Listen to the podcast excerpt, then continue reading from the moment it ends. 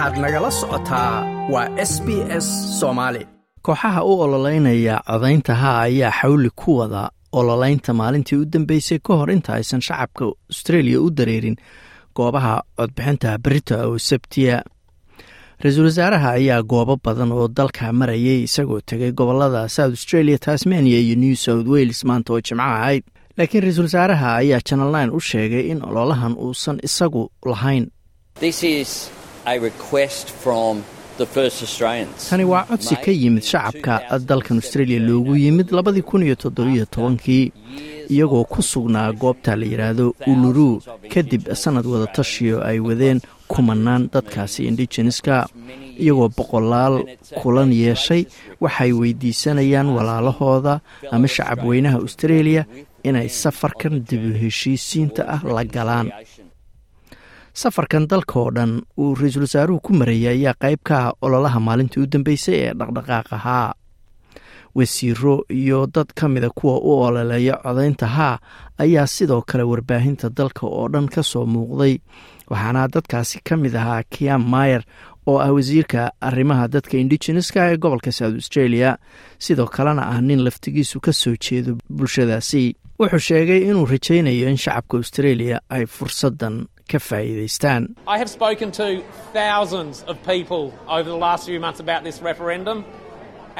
waxaan aftidan kala hadlay kumanaan qof bilihii u dambeeyey. Su'aasha ugu badan ee lay weydiinayeyna waxay ahayd dadka aborijinaalka sidoodaba maxay rabaan? Waxaan rabnaa waxa ugu fiican dadka aborijinaalka waxaan si cad u leeyahay in dadka aborijinaalka ay si buuxda u rabaan ugana doonayaan shacabka australia inay haa u codeeyaan berito ayuu yidhi. Madaxa ololaha haa dean berkin ayaa sheegay in dadka taageersan ay dadaal badan geliyeen muddo bilo ah iyagoo lixdan kun oo qof ay dadka albaabada ku garaacayeen ayna ku guulaysteen inay garaacaan saddex boqol iyo labaatan kun oo guri.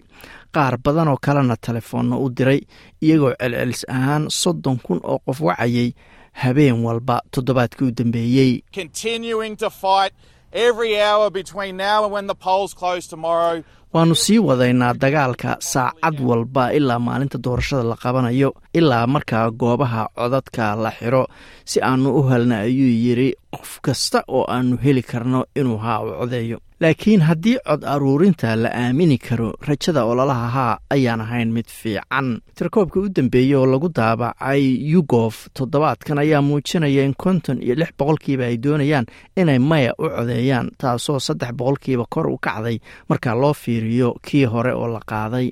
Cod aruurin kale oo ay qaaday roy morgan ayaa natiijo taa la mida ay ka soo baxday iyadoo muujinaysaa in konton iyo afar boqolkiiba dadkii su'aalaha la weydiiyey ay sheegeen inay maya u codayn doonaan. Ra'iisul wasaaraha ayaa se shaki ka muujiyey tirakoobyadaasi ama cod aruurimahaasi la sameeyey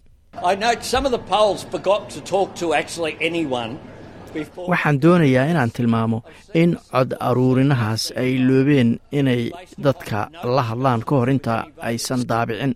Waxaan arkay ayuu yidhi cod aruurin la sheegay in kuraas doorasho ahaan loo qaaday ee qofna aan lala hadlin. Senator patrick dodson ayaa isna sidoo kale shaki ka muujiyey cod aruurinahaas isagoo wariyaasha u sheegay maruu ka qudbeynayay national press clubka in waxba aysan dhammaan ilaa codayntu ay dhammaato.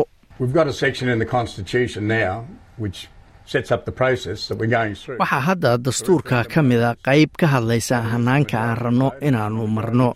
Hanaanka aftida oo ah aqlabiyadda shacabka iyo aqlabiyadda gobollada.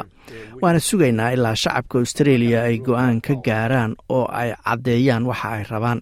Cod aruurinuhuna aniga i xukumi mayaan ayuu yidhi ken wyat oo wasiir hore uga ahaa isbahaysiga ayaa isagu maruu la hadlayay a b c da wuxuu ku eedeeyey isbahaysiga inay cabsi iyo been abuur u isticmaalayaan ololahooda maya.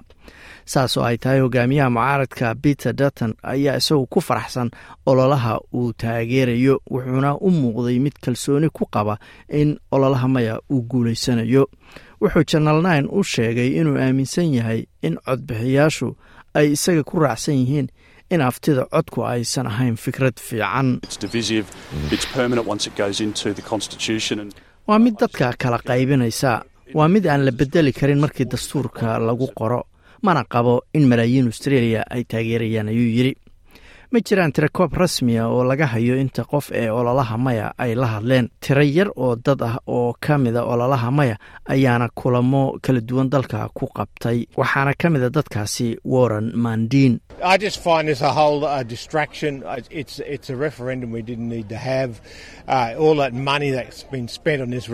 Waxaan oo dhan waxaan u arkaa arrin dadka indhahooda lagu sii jeedinayo. Waa afti aan loo baahnayn. Lacagtaas badan ee lagu qarash gareeya aftida waxaa lagu bixin karay arrimaha carruurta. Dadka ayaa shaqooyin loogu abuuri karay ama guryo ayaa loogu dhisi karay ayuu yidhi. Goobaha codbixinta ayaa furmi doona sideedda subaxnimo maalinta sabtida ah. Ma doonaysaa sheekooyinkan oo kale? Ka dhegayso apple podcast google podcast spotify ama meel kasta oo aad bodkastigaaga ka hesho